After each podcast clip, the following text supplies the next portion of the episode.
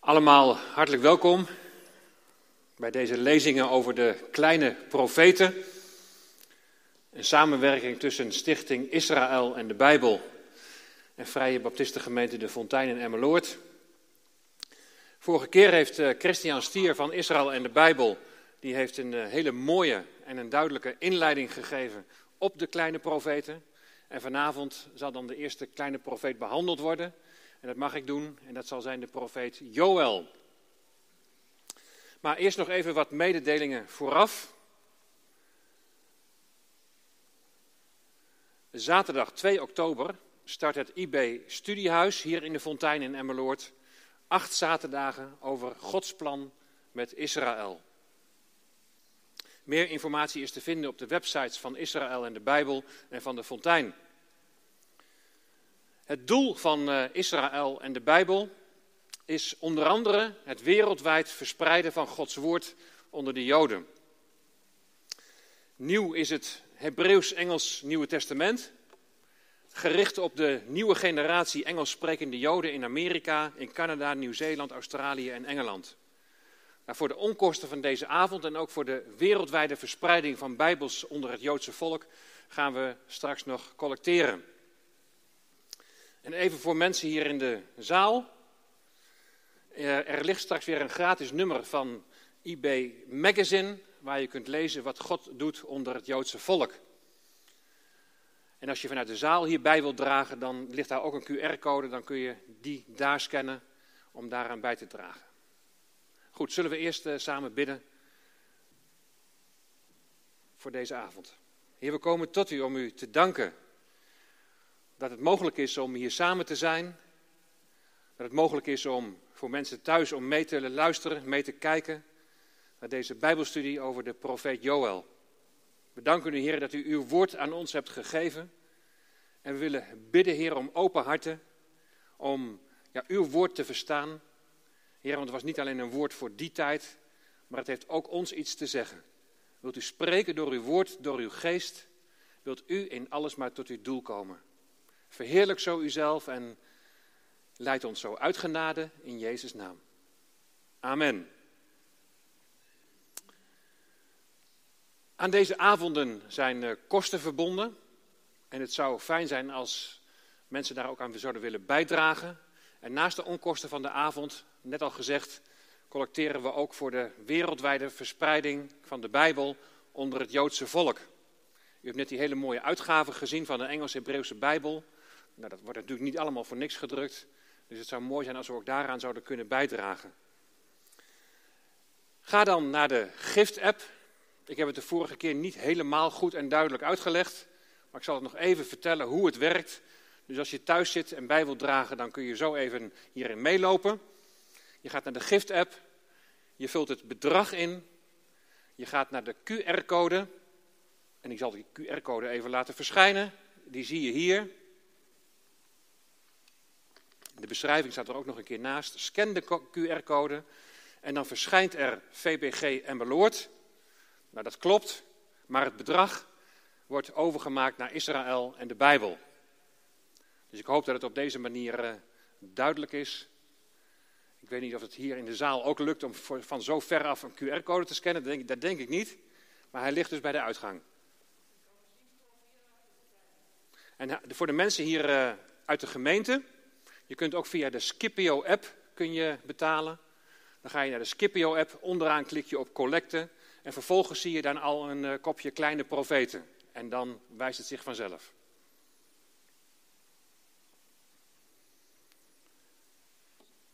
Tot zover even de mededelingen van vanavond.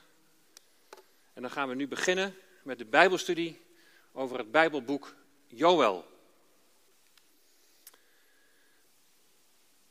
Je hebt vorige keer bij de inleiding gezien dat we in relatie tot de kleine profeten zullen kijken naar drie lagen. Ten eerste de historische context. Wat is de betekenis van Joëls woorden in die tijd? Ten tweede de profetische laag. En wat leren we in dit Bijbelboek over de toekomst? En ten derde ook wat kunnen wij ervan leren? Nou, wat de historische context betreft, kijk je allereerst in welk tijdvak heeft nou de profeet Joël gesproken. Nou, heel algemeen kunnen we zeggen dat de kleine profeten hebben gesproken zo'n 100 jaar na de scheuring van het rijk. Door Salomo's ongehoorzaamheid, doordat hij zich liet verleiden tot afgoderij, is het rijk gesplitst in een Noordrijk en in een Zuidrijk. Hier zie je daar een plaatje van. Het Noordrijk is het tienstammenrijk. Dus even een korte herhaling van de vorige keer. Het Noordrijk is het tienstammenrijk dat Israël wordt genoemd, ook wel Ephraim. En de hoofdstad is Samaria. Het Zuidrijk is het tweestammenrijk, Juda en Benjamin. En de hoofdstad is Jeruzalem. Het Noordrijk is als eerste in ballingschap gevoerd door de Assyriërs. Hier zie je dat Assyrische Rijk. Een rijk dat ja, bestond van 2000 tot 626 voor Christus. En in 722 voor Christus is dat Noordrijk dus weggevoerd door de Assyriërs in ballingschap. Het Zuidrijk is weggevoerd door de Babyloniërs, die na het verval van de Assyriërs de grootmacht waren in die tijd. Van 606 tot 539 voor Christus. In drie fasen zijn ze weggevoerd. 605 voor Christus, onder andere Daniel, dus als een van de eerste. 597 voor Christus Ezekiel. En als hij profeteert kun je ook zien dat hij profeteert vanuit Babel. En 586 voor Christus is Jeruzalem. En de tempel verwoest door Nebukadnezar. Hier in dit overzicht, daar zie je nog een keer tegen wie Joël profeteerde. En dat is Juda, het tweestammenrijk, het Zuidrijk. We kunnen niet precies bepalen wanneer hij gesproken heeft. Nou, je ziet hier nog een keer dat hele mooie schema dat uh, Christian Stier heeft gemaakt. Ik laat hem expres nog eventjes zien, want hij heeft vorige keer benadrukt dat hij er heel veel werk aan heeft gehad. Het zou erg jammer zijn als we hem maar één keer zouden gebruiken. Dus hier nogmaals. En dan zie je bovenaan de wegvoering van respectievelijk de tien stammen en de twee stammen. En met de data erbij die ik net heb genoemd. En wat Joel betreft zie je daar qua tijdsaanduiding twee mogelijkheden. 879 tot 835 voor Christus of 500 tot 400 voor Christus. Dat betekent of voor de ballingschap of na de ballingschap. Een van de redenen dat we het moeilijk kunnen bepalen, heeft te maken met het feit dat we weinig tot niets weten over de profeet Joël. En we weten zijn naam, die naam betekent Yahweh is God. In het Bijbelboek Handelingen wordt een profetie van hem bevestigd. Maar voor de rest wordt niet over Joël gesproken. Dus we weten heel weinig van hem. We weten dat zijn vader Petuel heet. Dat weten we ook uit het boek Joël. Maar ook hem komen we in de rest van de Bijbel niet tegen. Dus we hebben eigenlijk geen aanknopingspunten. Wat een aanwijzing zou kunnen zijn, dat is dat, is dat in het boek Joël uh, uh, niet gesproken wordt over een koning die regeert in Juda.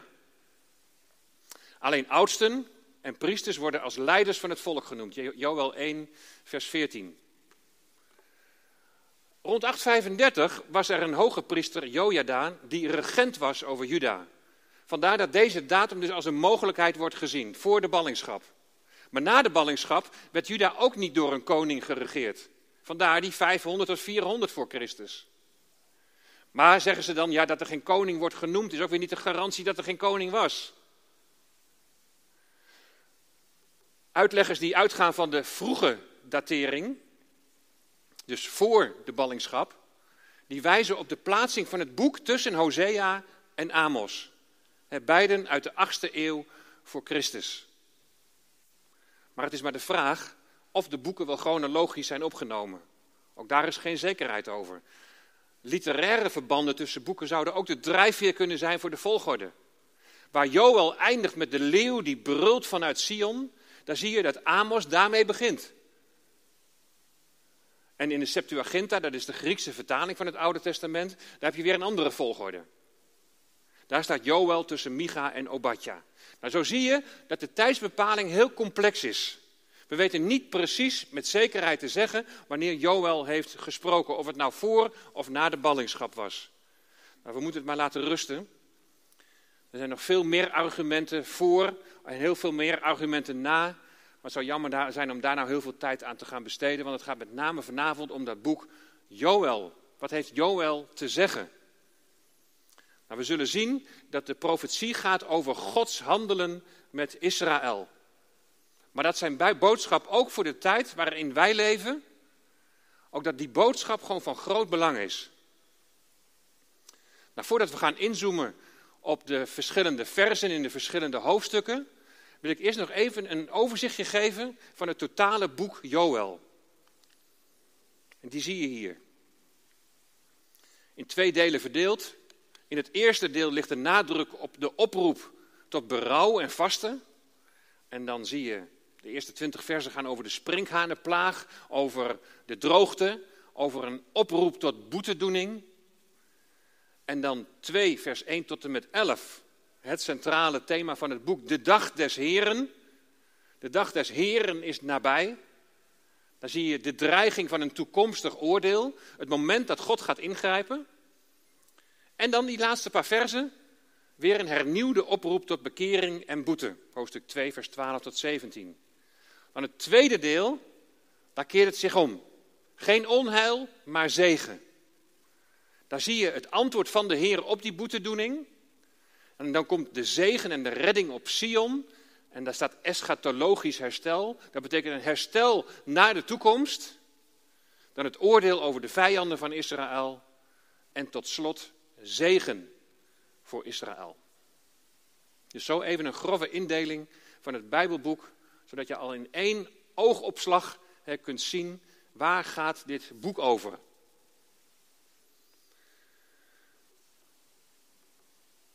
De aanleiding voor Joas prediking is een natuurramp, een sprinkhanenplaag.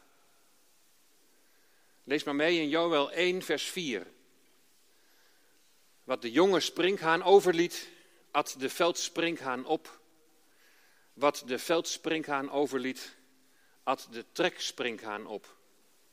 En wat de treksprinkhaan overliet, at de zwermsprinkhaan op. Daar zijn we bij die sprinkhanenplaag. Sprinkhanenplagen waren niet uitzonderlijk in het oude nabije oosten. Met name in Noord-Afrika komen sprinkhanenplagen vandaag de dag nog heel regelmatig voor. Heel recent nog in april, april van dit jaar, in Kenia. Een sprinkhanenplaag die ontstaat als een groep sprinkhanen zich in afgelegen, afgelegen gebieden met gunstige levensomstandigheden zo sterk heeft kunnen voortplanten dat het betreffende leefgebied, is daar waar ze zijn, dat het niet meer afdoende is om in de voedselbehoeften van de sprinkhanen te voorzien. Wanneer dat gebeurt, dan vormen de sprinkhanen inmiddels miljoenen in getal een zwerm die het gebied verlaat en dan op zoek gaat naar voedsel. Nou, overal waar de zwerm dan, dan neerstrijkt, wordt in een mum van tijd alle groen en elk gewas wordt in zijn geheel opgevreten. Gras, boombladeren, de barsten van bomen. En de gevolgen hiervan die werken nog heel lang door. In de eerste fase is de schade nog relatief beperkt, omdat de zwermen zich nergens heel lang ophouden. Maar de vrouwtjessprinkhanen die laten overal klompjes van zo'n 50 tot 80 eitjes achter in onbewerkte grond. En na ruim een maand kwamen daar miljarden larven uit. Een veelvoud van de oorspronkelijke zwerm. En de snel groeiende larven, die bewegen zich dan al vretend voort over het land. En die leggen wel zo'n vijf kilometer per dag af. Deze natuurramp die heeft als gevolg dat de voedselvoorziening wordt aangetast. Dus ze hebben echt een groot probleem. In onze vertaling, hè, daar lezen we over, in de HSV-vertaling over de jonge sprinkhaan, de veldspringhaan, de treksprinkhaan, de, zwems, de zwermsprinkhaan. Nou, in de NBG-vertaling eh, wordt het vertaald met knager en sprinkhaan, verslinder, kaalvreter. Maar het is wel interessant om even te kijken naar de Hebreeuwse woorden die worden gebruikt voor die verschillende vormen van sprinkhanen. De eerste daarvan is gazam. Dat is de gele, bijna volgroeide sprinkhaan met ontwikkelde kaken en vleugels. De tweede is de arbe, de volgroeide sprinkhaan met vleugels. Dan als derde de jeleg, zwarte jonge larven. En als vierde de gazil, geel-zwarte jonge sprinkhanen met beginnende kaken en vleugels. Nou, hier zie je een ontwikkeling in die volgorde die ik jullie net heb geschetst. De insecten overspoelen het land als jonge gevleugelde sprinkhanen, die gaandeweg dan de volwassenheid bereiken. Vervolgens gaan ze zich voortplanten, eitjes worden in onbewerkte grond worden ze achtergelaten. En na enige tijd komen dan de zwarte jonge larven, die derde, jelleg, die komen uit en die ontwikkelen zich weer tot sprinkhanen. Nou, je ziet in toenemende mate richten ze verwoesting aan. De gevolgen van de plaag zijn vergelijkbaar met het beeld dat Joël schetst. In 1 vers 4, alles is kaal gevreten. 1 vers 7, de bast van wijnranken en vijgenboom is weggevreten. 1 vers 10, er is geen oogst meer over. En 1 vers 12, het loof is weggevreten. Voor een volk dat afhankelijk is van de oogst, is een plaag als die van de sprinkhaan is een levensbedreigende ramp. De oogstfeesten die telkens worden gehouden in Israël, die geven wel het belang van de oogst aan. Plotseling, van het ene op het andere moment, is er geen oogst meer in te zamelen. Alles verdwijnt in één keer. Alle middelen van bestaan zijn verdwenen. Het land staat aan de rand van de afgrond. Het is tijd om te luisteren naar de boodschap van Joël. Wat is het doel van Joëls optreden? Nou, het doel van Joëls optreden is dat het volk de boodschap van God door middel van deze ramp zal verstaan. Dat het hen als het ware wakker zal schudden en dat ze zich zullen gaan bekeren. Dus God die gebruikt deze, deze ramp om het volk wakker te schudden. Maar waarvan moet het volk zich dan bekeren? Nou, ook dat is niet zo duidelijk in het boek Joël. Hij spreekt niet over het dienen van afgoden. Hij heeft het ook niet over het gedogen van sociaal onrecht, wat je bij andere profeten wel ziet. De enige zonde waar hij over spreekt is Joël 1, vers 5. Ontwaak, dronkaards, en ween. Weeklaag alle wijndrinkers over de jonge wijn, want die is van uw mond weggenomen. Wijn, de vrucht van de wijnstok. En de vrucht van de wijnstok mag je zien als een zegen van God. Een gezonde wijngaard was een teken van zegen van God voor degene die zich aan de Joodse wetten hield. Wijn behoorde als symbool van de vruchtbaarheid tot de zegeningen van het beloofde land. Het was onderdeel van de eerste levensbehoeften. In de meeste gevallen staat de wijngaard symbool voor een ongeschonden en nog niet beschadigde verhouding met God. Als de relatie goed is, dan brengt een rank een rijke hoeveelheid vruchten voort. Denk maar aan Johannes 15 waar het gaat over de wijnstok en de ranken. Waar de Heer Jezus zegt, ik ben de wijnstok, jullie discipelen zijn de ranken, blijf in mij, opdat je vrucht zult dragen. Dronkaards zijn mensen die de zegeningen van God misbruiken. Ze moeten wakker geschud worden, lezen we hier in vers 5. Ze zijn blind en ongevoelig voor de waarschuwingen van God. Ze slapen hun roest nog uit, terwijl God heel ernstig spreekt door de profeet Joël. Ze leven in Juda in een onbezorgde roes voort. Maar dan van het een op het andere moment is het God die alle overdaad en die alle luxe wegneemt. De sprinkhanen laten niets van de wijngaard over. Aangezien dronkenschap hier als enige zonde wordt genoemd, lijkt het erop dat dronkenschap dus de toestand van het volk op dat moment aangeeft. De mens geniet overvloedig van wat God in zijn schepping aan de mens heeft gegeven. Op zich niks mis mee. Maar de mens geniet ervan, hier in deze situatie, los van hem. Zo wordt de mens losbandig. De mens, de inwoners van Juda, zijn los van God. Het volk leeft in een roes. De wijngaard is verwoest. De onbeschadigde relatie met God is niet meer een feit. En dan is mijn vraag, is de situatie waarin wij nu leven hier, is die situatie nou zo anders? Verheerlijking van de schepping in plaats van de schepper. En daardoor een totale verkeerde omgang met de schepping, waardoor de schepping in al haar delen zucht. De letterlijke schepping, die uitgeput raakt door verkeerd gebruik. Maar ook de scheppingsinstellingen die onder druk staan. Zoals op het gebied van relaties, waarbij huwelijk tussen man en vrouw niet meer als enige optie wordt gezien.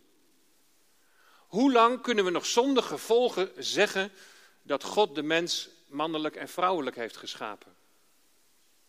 De mens die zelf wil beslissen over leven en dood. En ga zo maar door. Hoe lang nog kan de mens dit ongestraft blijven doen? Is de God van het Oude Testament, is die nou zo anders als de God van het Nieuwe Testament? De mensen die zullen uit hun roes wakker worden geschud. Ook in onze tijd. Dat zullen we nog wel in het vervolg van dit Bijbelboek zien. Want het Bijbelboek heeft ook iets voor de toekomst, wat nog komen gaat. Het is niet mogelijk om vanavond alle Bijbelversen langs te gaan, maar wat hoofdstuk 1 betreft, wil ik zeker nog stilstaan bij Joel 1, vers 6. Want een volk is tegen mijn land opgetrokken, machtig en niet te tellen. Zijn tanden zijn leeuwentanden, het heeft de hoektanden van een leeuwin. Hier zie je dat de letterlijke uh, sprinkhanenplaag dat die heen wijst naar een volk dat op dezelfde wijze zal huishouden als de sprinkhanen.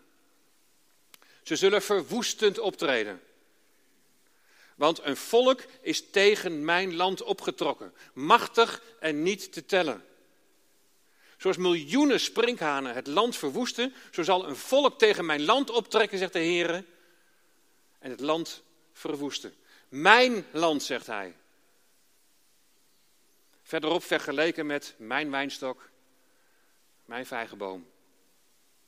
In Leviticus 25, vers 23b staat, want het land behoort mij toe. Dat is wat de Heere zegt, het land behoort mij toe. U bent immers vreemdelingen en bijwoners bij mij. Als je even helemaal teruggaat naar het begin, naar Genesis, dan zie je dat in het begin de mens is geschapen om de schepping te beheren in afhankelijkheid van haar schepper. Wat die roeping betreft, we weten het, faalde de eerste mens, de mens die zich van God afkeerde en die als God wilde zijn.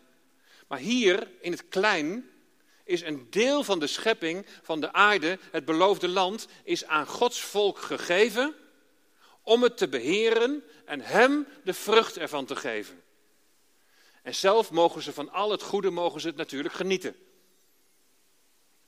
Maar ze mogen het land niet als hun eigen land gaan beschouwen en er roofbouw gaan plegen. Het is mijn land, zegt de Heer. Onder andere oorzaak van de ballingschap was dat ze niet ieder zevende jaar het land braak lieten liggen. Hadden ze zeventig keer niet gedaan, dus daarom moesten ze zeventig jaar in ballingschap. God zendt een oordeel over zijn volk. Maar het is een oordeel dat hem ook zelf raakt. Het is immers zijn land. Het is zijn volk. En dat het hem zelf raakt, zie je in vers 9. Joel 1, vers 9. Graanoffer en plengoffer zijn weggenomen van het huis van de Heeren. De priesters treuren, de dienaren van de Heeren. Geen offers meer, en offers waren bedoeld om tot Hem op te zenden, om Hem te eren. Het raakt de Heere zelf. Misschien herken je dat wel bij de opvoeding van je kinderen. Soms, dan moeten ze straf hebben. En dan is het niet een straffen vanuit blinde woede, maar vanuit opvoedkundig oogpunt. Maar het raakt jezelf ook. Het gaat over je kind, het gaat over je eigen vlees en bloed. Het liefst zou je zeggen, nou ja, zand erover. Maar er zijn gewoon momenten dat het nodig is om, om wakker te schudden. Voor hun eigen bestwil. En zo is het ook hier bij het volk. Ze moeten weten dat het op dat moment ernst is. God heeft een hele ernstige boodschap. En dat die situatie heel dreigend is. En dan gaan we al over naar het tweede hoofdstuk. Dat zien we in Joel 2, vers 1. Blaas de bazuin in Sion. Sla alarm op mijn land. Sla alarm op mijn heilige berg. Laat alle inwoners van het land sidderen. Want de dag van de Heere komt. Ja, is nabij. dat klinkt nogal dreigend, hè? Sla alarm. Laat de inwoners sidderen. De opdracht is om op de shofar, om op de bazuin te blazen. Nou, dat gebeurde bij Israël bij diverse gelegenheden. Onder andere bij aankomend gevaar, als waarschuwing voor vijandelijke legers. Hier is het heel duidelijk hè, waarom op de bazuin geblazen wordt. In Joel 2 maakt God duidelijk dat hij geen letterlijke sprinkhanen meer zal sturen, maar soldaten die op dezelfde wijze zullen huishouden als deze sprinkhanen. Aankomend gevaar. Waarschuwing voor vijandelijke legers. De bazuin klinkt.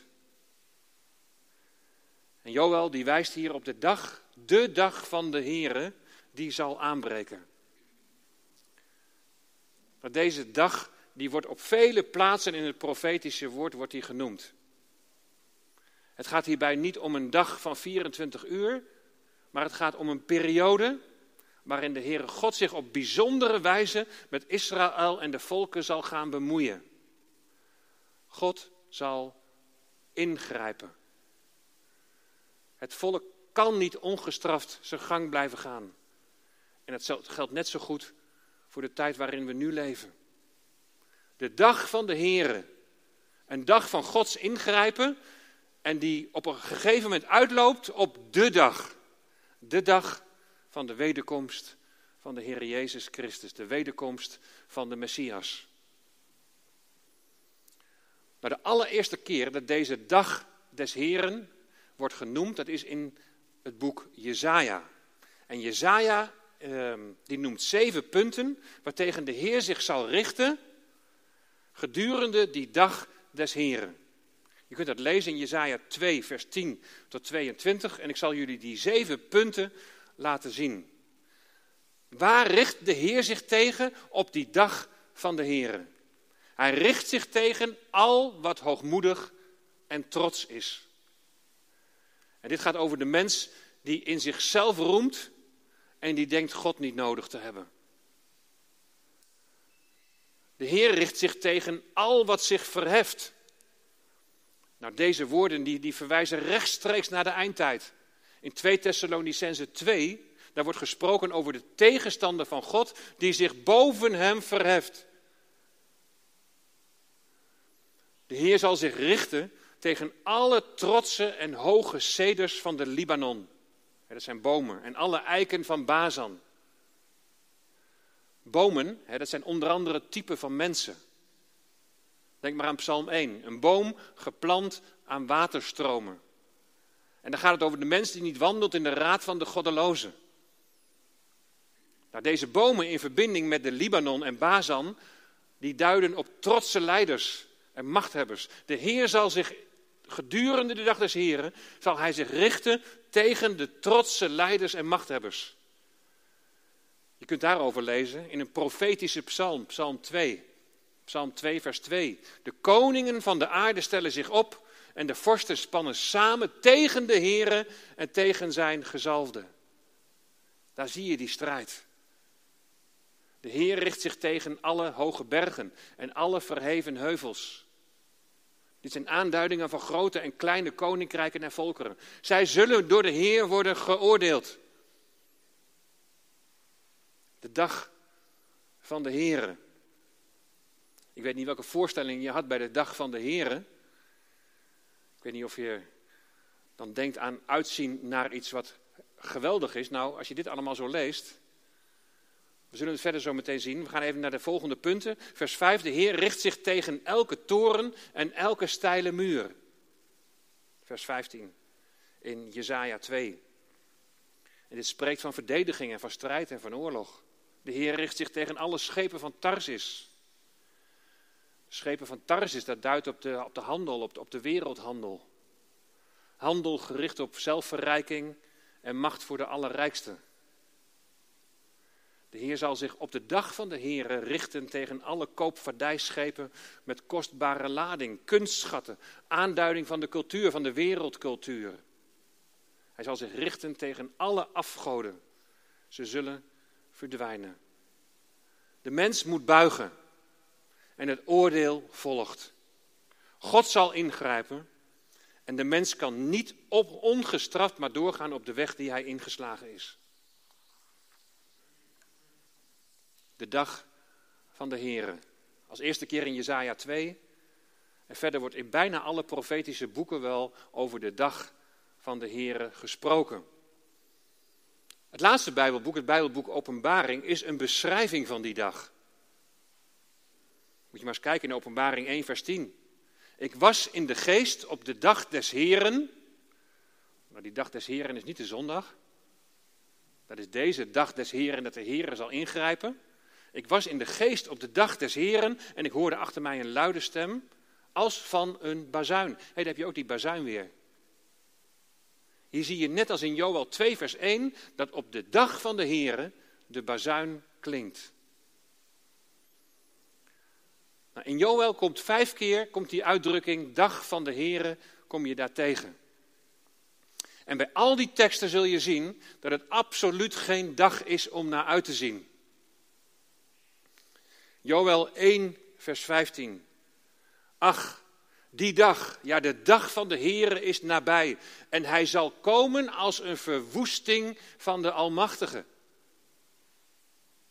En Joel 2, vers 1 hadden we al gelezen. Blaas de bazuin in Sion, sla alarm op mijn heilige berg. Laat alle inwoners van het land sidderen, want de dag van de Heere komt, ja is nabij. Joel 2, vers 11. En de Heere laat zijn stem klinken voor zijn leger uit, want zijn leger is zeer groot. Ja, machtig is hij, die zijn woord ten uitvoer brengt. Groot is immers de dag van de Heere en zeer ontzagwekkend. Wie zal hem kunnen verdragen? Joel 2, vers 31. De zon zal veranderd worden in duisternis, de maan in bloed, voor die dag van de Heere komt, die grote en ontzagwekkende. En de vijfde, de vijfde tekst, Joel 3, vers 14. Menigten, menigten in het dal van de dorsleden. Want de dag van de Heere is nabij in het dal van de dorsleden. Nou, ik kan me voorstellen als je zoiets noemt dat je denkt van wat wordt daar nou mee bedoeld? Er kom je veel meer tegen in de, in de kleine profeten, dat er soms omschrijvingen zijn dat je denkt van, wat betekent dit nou precies? Nou, het dal van de dorsleden kun je ook vertalen als de dal van de beslissing. Daar wordt het onherroepelijke vonnis wordt daar voltrokken. De dag des Heren, het centrale thema in het boek Joël. En de dag des Heren verwijst naar de toekomst maar wordt verschillende malen hier al als nabij beschouwd. De dag van de Here is nabij. Word wakker, volk van Juda. Ontwaak uit je roes en luister. Het is geen dag, die dag van de Here om naar uit te zien. En volgens Joel 1, vers 15 brengt deze dag verwoesting teweeg. En volgens Joel 2, vers 2 donkerheid en duisternis. De invasie van het sprinkhanenleger, die bij het volk nog vers in het geheugen ligt, die stelt niets, maar dan ook helemaal niets voor met wat op de dag van de Here zal plaatsvinden. En de Here laat zijn stem klinken voor zijn leger uit, want zijn leger is zeer groot, Ja, machtig is hij die zijn woord ten uitvoer brengt. De dreiging zet de profeet ertoe zijn volksgenoten op te roepen tot diep berouw en bekering.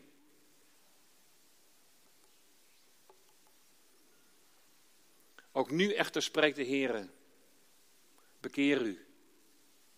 Bekeer u tot mij met heel uw hart, namelijk met vasten, met geween en met rouwklacht.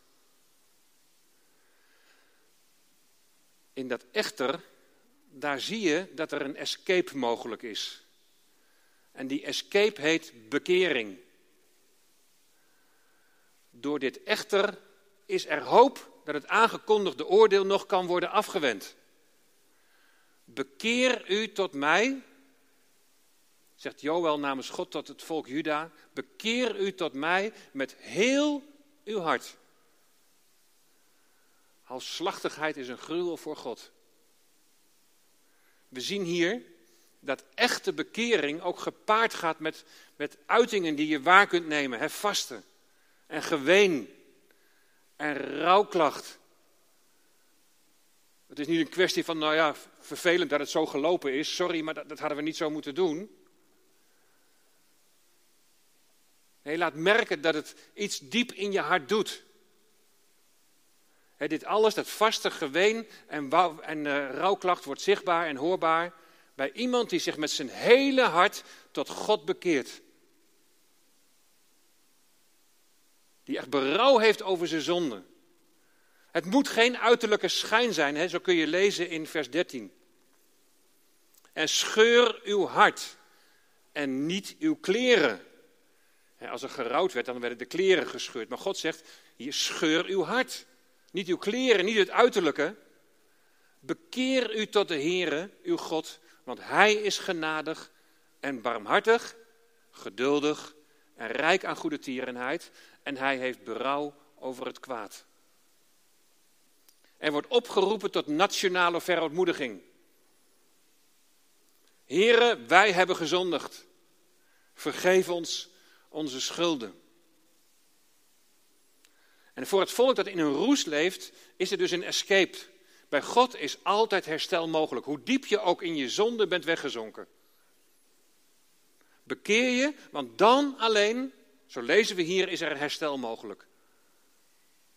God is immers, en dan, dan, dan noemt Joël vijf eigenschappen van God. Want God is immers genadig. Bekeer je, want God is genadig. Genadig is, is Hij in zichzelf, omdat Hij tot daden van goedheid komt als alle recht op zegen is verspeeld. God is ook barmhartig.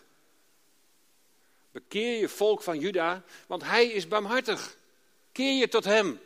Barmhartig is Hij, omdat Hij snel tot medelijden te bewegen is, als Hij ziet hoe ellendig zijn volk eraan toe is. Hij is ook geduldig. Hij is geduldig in het verdragen van zijn zondige volk. Ik vind het ook altijd wel fijn om te horen. Dat ik weet dat de Heer ook met mij geduldig is. Rijk aan goede tierenheid is Hij, omdat bij Hem allerlei gunst en goedheid aanwezig zijn, waaronder schuldvergeving. En tenslotte lezen we van Hem, Hij heeft berouw. Dat betekent dat God de aangekondigde of al gedeeltelijk uitgeoefende straf intrekt als hij bekering ziet. Waarachtige bekering. Het scheuren van het hart. Vers 14. Wie weet zal hij zich omkeren en berouw hebben, zodat hij een zegen achter zich overlaat, een graanoffer en een plengoffer voor de Heere uw God bij bekering, dan is er reden om te hopen dat hij het oordeel afwendt. En dat is al een zegen, hè, dat hij het oordeel afwendt, maar er is meer. Na de bekering van zijn volk heeft hij ook een zegen voor hen. Je ziet het herstel van het veldgewas, waardoor er weer een graanoffer en een plengoffer gebracht kunnen worden. En in het brengen van offers, daar wordt God geëerd. En, en weet je, daar is het allemaal om te doen bekering, herstel, opdat God de eer krijgt. Het doel van de bevrijding van vijanden en herstel van alles wat kapot gegaan is, is dat God verheerlijkt wordt. Dat Hij weer wordt aanbeden, want daartoe zijn we geschapen. Daartoe was zijn volk geschapen, om Hem te aanbidden. Blaas de bazuin in Sion. Kondig een vastentijd af. Roep een bijzondere bijeenkomst bijeen. Hier wordt voor de tweede keer op de bazuin geblazen. De eerste keer was in vers 1. Daar is het om te waarschuwen dat de vijand eraan komt in vers 1. Nu gebeurt het, die bazuin blazen, om het volk bijeen te roepen. Hij roept op om, om bij hem te komen, om voor zijn aangezicht te komen. En als het volk dan in Gods tegenwoordigheid komt, betekent dit in de eerste plaats dat het volk zich zal verootmoedigen. De vijand komt immers op hen af en ze weten heel goed waar het aan ligt. Ze weten heel goed dat het te maken heeft met hun ontrouw aan de Heer. Door te vasten, door niet afgeleid te worden door het alledaagse eten en drinken, kunnen ze zich richten op wat God te zeggen heeft. En wat je hier ziet is dat het geen individuele zaak is, maar het is een zaak van de gemeente. Israël wordt hier ook gemeente genoemd. De gemeente van Israël die moet bijeengeroepen worden. Roep een bijzondere bijeenkomst bijeen, vers 15. Verzamel het volk, heilig de gemeente in vers 16. De oudsten, maar ook de kleine kinderen en de zuigelingen. Ja, ook de bruid en de bruidegom, die eigenlijk feest hoorden te vieren. Ook zij moeten zich verootmoedigen. Ze hebben gezondigd. Het volk leeft in een roes, in dronkenschap. Luistert niet naar Gods stem. Luistert niet naar zijn geboden. De mens leeft in een roes van trots en hoogmoed. Dat was toen, maar het is vandaag niet anders. Op dit moment zitten we in de periode van de najaarsfeesten in Israël. Voordat de najaarsfeesten in de maand Tishri plaatsvinden, is er nog een belangrijke maand die daaraan vooraf gaat. En dat is de maand Elul. Het is de zogenaamde Teshuvah-maand. En Teshuvah, dat is meer dan, dan berouw hebben van zonde. Het is een besluit om terug te keren op de weg van de Heer. Om terug te keren op de rechte weg en dan na te laten wat God verdriet doet. Een maand voorbereiding op de najaarsfeesten. Vanaf de eerste werkdag, vanaf de eerste dag van deze maand, wordt elke werkdag de shofar, de bazuin geblazen, om iedereen erbij stil te laten staan bij die noodzakelijke ommekeer. En dan duurt het veertig dagen tot aan de grote verzoendag. Een periode van inkeer, van, van verootmoediging. En dan kun je wat trots en hoogmoed betreft, kun je heel makkelijk wijzen naar Gods volk, naar het volk Juda. Je kunt heel makkelijk wijzen, zoals in onze tijd, naar regeringsleiders. Maar hoe is het in je eigen hart? In hoeverre blijkt uit je leven dat je echt leeft in afhankelijkheid van Hem? In hoeverre is jouw leven geen roes, maar een leven gericht op de levende Heer, op de komende Messias, op de Heer Jezus? In hoeverre wordt Zijn leven in jou en mij zichtbaar? Heeft de liefde een hogere plaats dan, dan het eigen gelijk? Inkeer en verootmoediging. Here, beproef onze harten. En als het volk zich dan bekeert, dan komt er herstel. Vanaf Joel 2, vers 18 komt het antwoord van de Heere. Toen nam de Heere het op voor zijn land en hij spaarde zijn volk. En mensen die hun nederigheid tonen en mensen die breken met de zonde en zo naar hem toe gaan, die ondervinden altijd zijn barmhartigheid. Hij neemt het op voor zijn land en hij neemt het op voor zijn volk. Er is altijd een verbinding geweest tussen land en volk. Nou, in vers 19 krijgt het volk twee beloften. Ten eerste, er zal weer koren, nieuwe wijn en olie zijn. Hij geeft overvloed. En ten tweede ontvangen ze de verzekering dat ze niet meer zullen worden prijsgegeven aan de smaad van de volken. En in vers 20 zie je dat God als het ware het land schoonveegt en de vijand uit het noorden verwijdert. Hij verdrijft ze naar een dor en woest land. Waarschijnlijk het woestijngebied ten zuiden van Israël. Hij verdrijft ze naar de zee in het oosten, de Dode Zee. Hij verdrijft ze naar de zee in het westen, naar de Middellandse Zee. God bevrijdt zijn volk. En in de hieropvolgende versen kun je lezen dat dat herstel dat, er wordt, dat het wordt voortgezet. Ik pik er nog één opmerkelijk vers uit. Wat hoofdstuk 2 betreft, en dat is vers 23. En u, kinderen van Sion, verheug u en wees blij in de Heere, uw God. Want hij zal u geven de leraar tot gerechtigheid. Die zal regen op u doen neerdalen. Vroege regen en late regen in de eerste maand. De vroege regen die valt in oktober en november. De late regen valt in maart en april. En is voor een goede oogst onmisbaar. En met de regen wordt eerst de regen als natuurlijke zegen bedoeld. Het herstel van de voedselvoorziening. Maar vervolgens ook de geestelijke zegen. God zal de leraar tot gerechtigheid. Hij zal de Messias geven. Hij zal vervolgens het verbond, een nieuw verbond met zijn volk sluiten. Je leest dat in Jeremia 31, vers 31.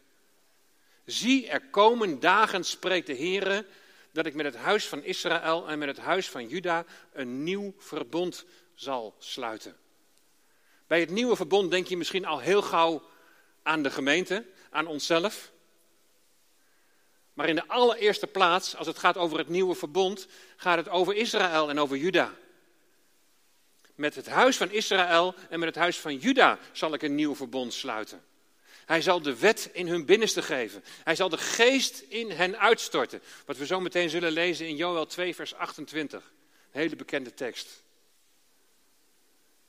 In de versen 18 tot en met 27 zien we vooral een herstel van het stoffelijke, een herstel van het land, herstel van de planten en de dieren, dus een natuurlijk herstel. En dan vanaf vers 28, daar gaat het over het geestelijke herstel, de uitstorting van de geest. Daarna zal het geschieden dat ik mijn geest zal uitstorten op alle vlees. Uw zonen en uw dochters zullen profeteren uw ouderen zullen dromen dromen, uw jonge mannen zullen visioenen zien. Diezelfde volgorde van eerst een natuurlijk herstel en dan een geestelijk herstel, dat zie je ook bij een van de grote profeten, bij Ezekiel. Ezekiel 37, waar het gaat over het dal van de dorre doodsbeenderen. Eerst worden de beenderen tot, tot lichamen gevormd. Dat is een natuurlijk herstel. En deze beenderen zijn het huis van Israël. En dan in vers 14 van Ezekiel 37, daar komt het geestelijke herstel. Ik zal mijn geest in u geven, u zult tot leven komen en ik zal u in uw land zetten. Ook nog die, die belofte van terugkeer naar het land. Wat een geweldige belofte. Een belofte van nationaal en uiteindelijk ook geestelijk herstel. Maar dat nationale herstel, hè, dat zien we al voor onze ogen gebeuren. Maar het geestelijke herstel, dat is nog maar heel minimaal. Het geestelijke herstel zal nog gaan aanbreken. Joel 2, vers 28 begint met daarna. Daarna zal het geschieden. Dat betekent in de tijd van Joel, na de verdelging door een legermacht in die tijd. Daarna, maar als je doortrekt naar de toekomst, dan zie je in Ezekiel 39, vers 29, dat na de vernietiging van de laatste vijandelijke machten van Israël, de geest over Gods volk wordt uitgestort. En daarna lees je over de tempel en dan het land tijdens het vrederijk. Petrus, die haalt deze verse van Joel 2, vers 28 aan in Handelingen 2, bij het Pinksterfeest. Zonder daarbij te zeggen dat, het, dat wat daar gebeurt de vervulling is van deze profetie. En dat is ook niet zo. Hij verwijst naar Joel 2, omdat wat op de Pinksterdag gebeurt, hetzelfde karakter heeft als wat Joel hier in Joel 2, vers 28 aankondigt. De uitstorting van de Heilige Geest op de Pinksterdag is iets wat doet denken aan wat Joel heeft gezegd. Wat op de Pinksterdag gebeurt is echter een voorvervulling van de profetie, maar nog niet de vervulling zelf. De geest zal worden uitgestort op Gods volk. Dat gebeurt nog in de toekomst. Vers 29. Ja, zelfs op de dienaren en de dienaressen zal ik in die dagen mijn geest uitstorten. De geest niet alleen zoals dat ja, gewoonlijk was voor de koningen en de priesters en de profeten, maar de geest voor alle lagen van het volk. Ik zal wondertekenen geven aan de hemel en op de aarde, bloed en vuur en rookzuilen. De zon zal veranderd worden in duisternis en de maan in bloed. Voor die dag van de Heere komt, die grote en onzagwekkende. En daar is hij weer, de dag des Heren. Maar deze tekenen, die hier zo beschreven zijn, die zag je niet na Handelingen 2. Zodat je kunt zien dat Joel 2, vers 28 niet de vervulling is van wat op Pinksterdag gebeurt. Die dag moet nog komen. Er gaan oordelen vooraf aan de wederkomst van de Heer Jezus. Zij banen, die, die, die oordelen, die banen de weg voor de wederkomst van de Heer Jezus naar deze aarde om zijn koninkrijk te vestigen. Het Messiaanse vrederijk. De oordelen zijn bedoeld om het volk wakker te schudden. Om ze wakker te schudden uit hun roes. En er zal herstel zijn voor Gods volk. En we lezen een geweldige belofte in vers 32. We zijn nog steeds in hoofdstuk 2. Het zal geschieden dat ieder die de naam van de Heere zal aanroepen, behouden zal worden. Want op de berg Sion en in Jeruzalem zal ontkoming zijn, zoals de Heere gezegd heeft, namelijk bij hen die ontkomen zijn, die de Heere roepen zal. Wie in gelovend, in vertrouwend geloof tot hem nadert, die komt niet om, maar die wordt behouden. In Romeinen 10 hè, wordt dit vers ook aangehaald. Romeinen 10, vers 13. Want ieder die de naam van de Heere zal aanroepen, die zal zalig worden. In de Romeinenbrief, daar wordt onder andere ingegaan op de strijd die er is tussen de gelovige Jood en de gelovige heiden. Het nieuwe verbond sluit God met zijn volk, maar hier wordt duidelijk dat wij heidenen al mogen delen in de zegeningen van dat nieuwe verbond. Ieder die de naam van de Heere zal aanroepen. In de toekomst, dan zal er een moment zijn dat Gods volk de naam van de Heere zal aanroepen. Dan zal er een gelovige rest zijn.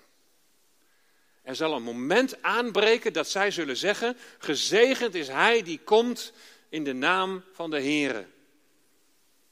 Kijk maar in Matthäus 23, vers 39. Hier in Joel 2, vers 32 wordt het aanroepen van die naam, die wordt verbonden aan Jeruzalem en Sion.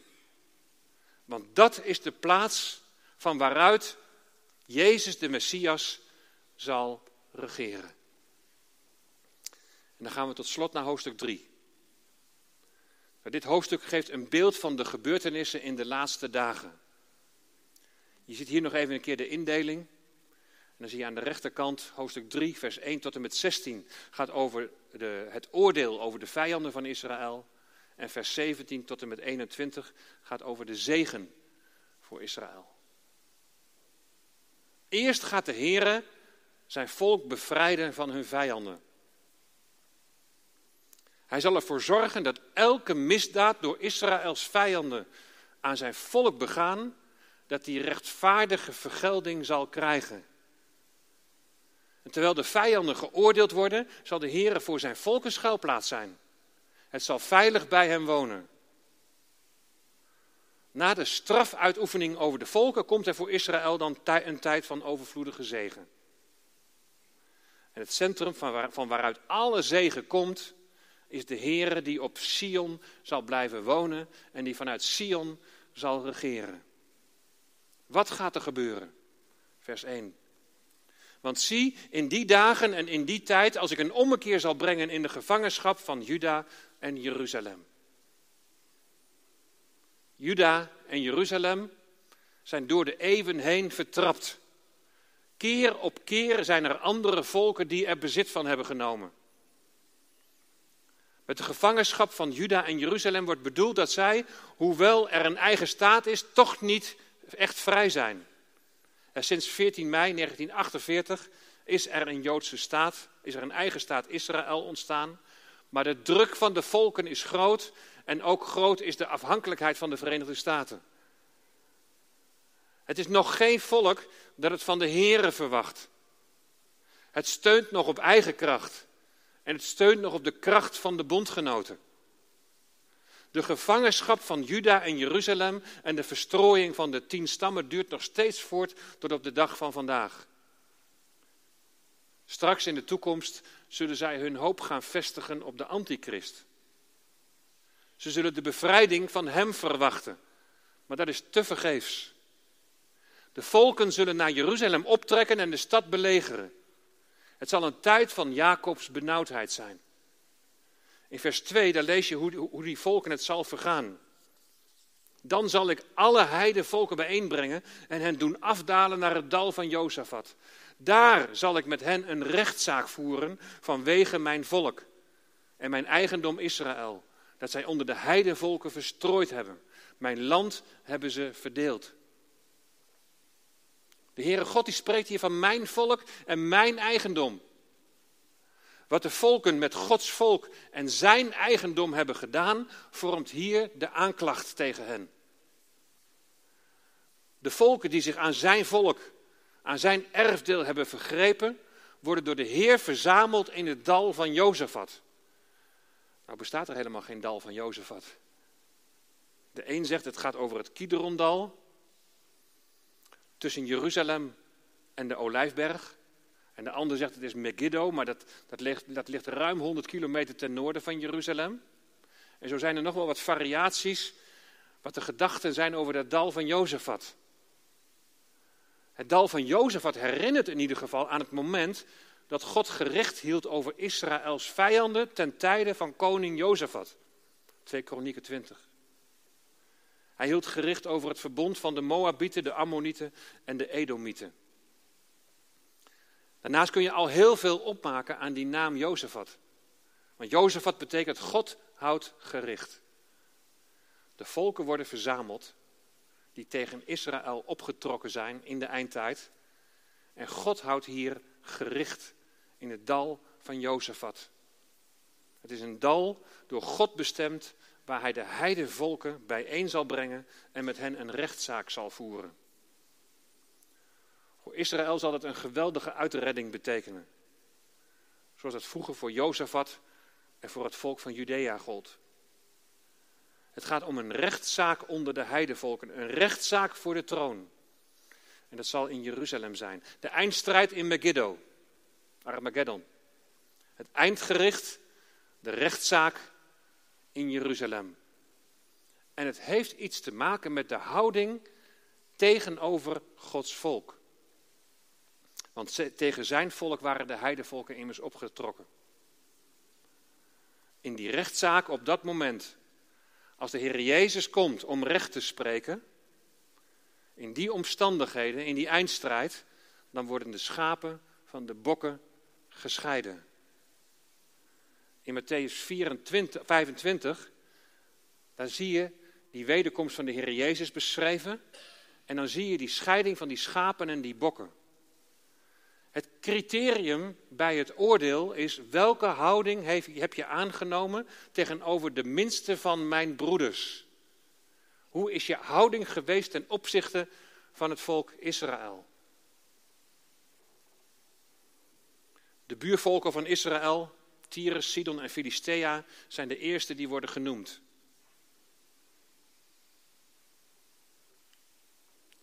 Wij zijn wel eentje verder, hè? Even te kijken. Deze moet ik hebben, ja. Joel 3, vers 4. En ook, wat wilt u van mij, Tyrus en Sidon en alle gebieden van Filistea?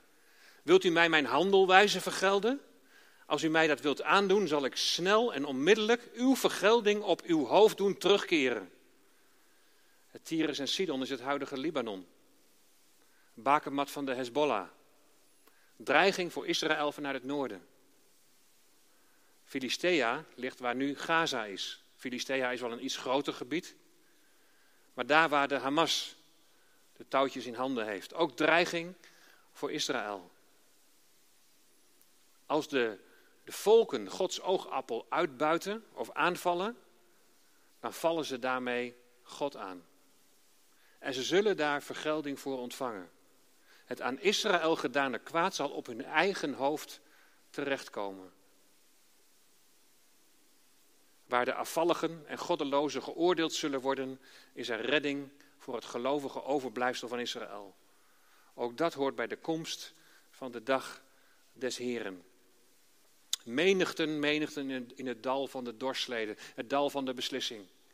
Want de dag van de Heren is nabij in het dal van de dorsleden. Zon en maan worden in het zwart gehuld en de sterren hebben hun schijnsel ingetrokken. De Heere zal vanaf Sion brullen als een leeuw. Vanuit Jeruzalem zal hij zijn stem laten klinken, zodat hemel en aarde zullen beven. Maar de Heere is een toevlucht voor zijn volk en een vesting voor de Israëlieten. Dan zult u weten dat ik de Heere uw God ben, die op Sion, mijn heilige berg, woont. Jeruzalem zal een heiligdom zijn en vreemden zullen er niet meer doorheen trekken. Het dal van de dorsleden, het dal van de beslissing. En bij het dal van de dorsleden mag je dus denken aan het scheiden van het kaf en het koren. Het scheiden van de goeden en de kwaden. Daar zal recht gesproken worden over de volken. Het is de dag van de Heere. En de Heere die verheft zijn stem, zoals een leeuw brult in het woud. En zal een schuilplaats voor zijn volk zijn. En hier begint de zegen voor Israël. God komt wonen in Sion op zijn heilige berg. Dat is ook waar de profeet Zacharia over spreekt. Juich en verblijd u, dochter van Sion, want zie, ik kom en zal in uw midden wonen, spreekt de Heer. Of Zacharia 8, vers 3. Zo zegt de Heer, ik ben naar Sion teruggekeerd en ik zal midden in Jeruzalem wonen, de berg van de Heer, van de legermachten, de heilige berg. Op die dag zal het gebeuren dat de bergen van jonge wijn zullen druipen, de heuvels van melk zullen stromen en alle waterstromen van Juda zullen overlopen van water. Een bron zal uit het huis van de Heere ontspringen, die het dal van Sittim zal bevochtigen. Er was een fontein op de Tempelberg. En het water van die fontein stroomde van de Tempelberg af in de beek Kidron. En uiteindelijk stroomde die de beek Kidron uit en dan naar het water van de Dode Zee. De levieten die gebruikten dat fonteinwater voor het schoonmaken na het slachten van de dieren. Dus het water werd rood. En het rood gekleurde water stroomde dus in de beek Kidron en stroomde zo door naar de Dode Zee. En wat gebeurt er dan bij de Dode Zee als het water aankomt? Er gebeurt helemaal niets. Het blijft zo dood als een pier in die Dode Zee. Maar, daar zal verandering in komen. In Ezekiel 47 kun je lezen dat water zal stromen van het huis, van de tempel naar beneden. En het zal via de beek Kidron stromen naar de Middellandse Zee, maar ook naar de Dode Zee. En dan staat er in vers 8 dat het water weer gezond zal worden. Je kent misschien wel het verhaal hè, van dat steeds uh, dieper wordende water, die waterstroom, en die dan uiteindelijk in de Dode Zee uitkomt. Een stroom van water dat leven zal brengen. De Heer Jezus die zei bij diezelfde fontein, stromen van levend water zullen uit mijn binnenste vloeien. Levend water zal van Hem uitgaan. Zal leven brengen. Het nieuwe verbond met zijn volk. Maar wat betekent dan die het dal van Sittim zal bevochtigen? Dat dal lag ten oosten van de Dode Zee, daar waar Moab lag. Sittim, dat was de plaats waar de oordelen van God over zijn uitgesproken. Moab had de vloek verdiend. De stroom van deze beek, de weg van Gods herstel, gaat langs ongekende wegen tot in het dal van Sittim, waar Sodom en Gomorra liggen. Op die dag, die dag dat het, dat het, dat het Messiaanse Rijk aanbreekt, op die dag dat het Vrederijk aanbreekt, ontstaat een nieuw leven. De strijd is voorbij, het oordeel is voltrokken.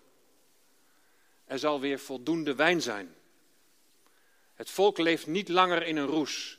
De relatie met God is hersteld. Ze zullen weer een koninkrijk van priesters zijn. Een heilige natie. En de zegen die zal rijken tot in het dal van Sittim. Zal rijken tot over de hele wereld. Yeshua HaMashiach. Straks in Jeruzalem. Daar zal hij wonen. Maar hij woont nu al in onze harten. Jezus de Messias heeft onder ons gewoond. Hij is ons, in ons midden geweest op deze aarde. Hij is opgevaren naar de hemel en heeft de Heilige Geest uitgestort, die woning maakt in iedere gelovige. Hij die woont in jou en mij. En de tempel is een plaats van aanbidding. Een plek van aanbidding. Mag ik je eens vragen, is jouw lichaam, is dat een plek van aanbidding tot God? De Heere God beoordeelt zijn volk hier in het Bijbelboek Joël als slapende in een roes. Maar hoe wakker zijn jij en ik? Leef je in afhankelijkheid van Hem die zijn leven voor je gaf? Is in jou het verlangen om, om Hem gehoorzaam te zijn? Om Christus na te volgen? Leef je in de verwachting van, van Gods herstel? Zie je uit naar de komst van Jezus de Messias? Zie je uit naar dat moment dat tijd overgaat in eeuwigheid? Het einddoel is dat God bij de mensen zal wonen. En dan zal er geen rouw en verdriet en pijn meer zijn. Hoe lang zal het nog duren dat God ingrijpt? Hoe lang zal het nog duren dat de Heer Jezus komt? Het gaat hier in Joël over Gods bemoeienis met Israël. Maar wij dan? Ja, daar gaat het hier niet over. Worden we bewaard voor de uren van de verzoeking die over de wereld komen zal? Zullen we er middenuit worden gered? Of zullen we doormaken en worden beschermd? De meningen lopen uiteen. Verheug je nu eerst eens in die ander. In Gods volk, in Israël. Verheug je in die belofte van herstel. En bid voor hen die nog onder die bedekking leven. Bid dat het woord dat wereldwijd wordt gedeeld, dat het harten zal openen. Dat het harten zal openbreken. Dat het zicht zal geven op Yeshua HaMashiach, op Jezus de Messias. Overdenk nog eens wat de situatie van je eigen hart is. Als je moet constateren dat je wat je leven, wat je geloofsleven in een roes verkeert, verootmoedig je dan voor de Heer. Als je vastzit in een ernstige zonde, verootmoedig je tot de Heer en, en kom ook echt tot bekering. Niet uiterlijk van, nou ja, oké, nou, dat hoort nu wel zo, maar sorry. Maar dat echt iets in je hart mag gaan doen. Als Paulus de Efeziërs oproept tot een heilig leven, dan zegt hij: Ontwaak, u die slaapt, en sta op uit de doden, en Christus zal over u lichten. Let er dan op dat u nauwgezet wandelt. Niet als dwaze, maar als wijze. En buit de geschikte tijd uit, omdat de dagen vol kwaad zijn. En zo zie je dat de God van het Oude Testament dezelfde is als die in het Nieuwe Testament. En zoals hij het volk Israël, en in dit geval Juda, wakker wilde schudden uit de roes waarin ze leefden, zo wil hij ook ons in deze tijd wakker schudden. Opdat we echte navolgers van Christus mogen zijn en onze levens aan Hem zullen toevertrouwen, op Hem zullen zien en op Hem, ja, hem zullen volgen. Buitengeschikte tijden uit, omdat de dagen vol kwaad zijn. Wees bezig met wat er werkelijk toe doet. Het volgen van de Heer Jezus. Amen.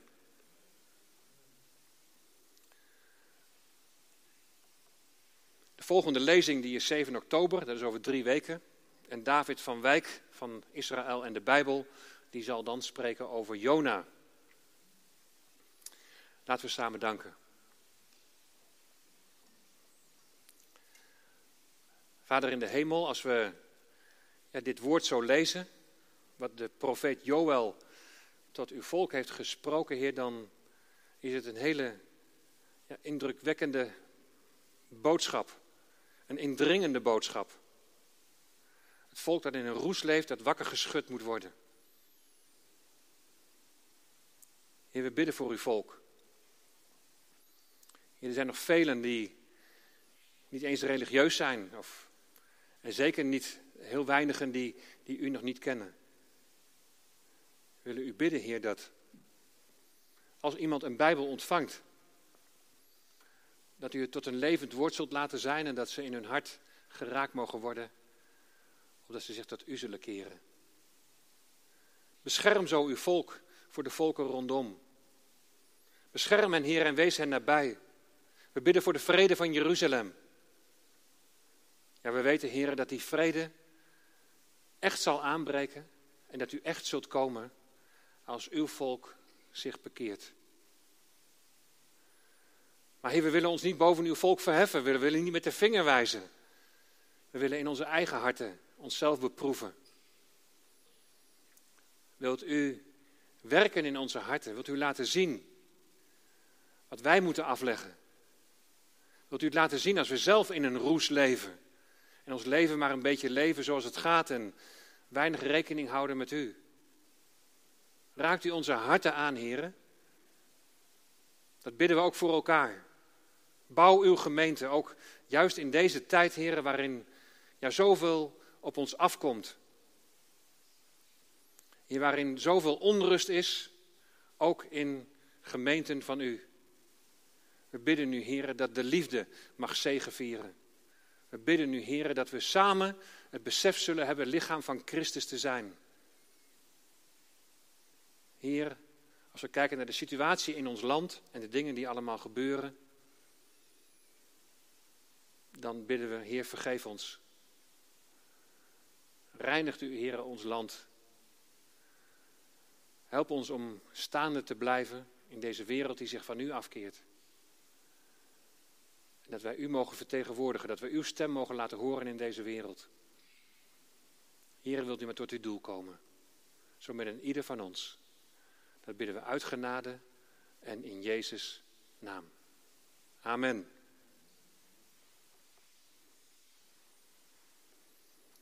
Nog een klein reclameblokje. Allemaal hartelijk dank voor jullie komst. Ook bedankt voor de mensen die eh, vanavond meegekeken hebben. En nogmaals, over drie weken weer van harte welkom.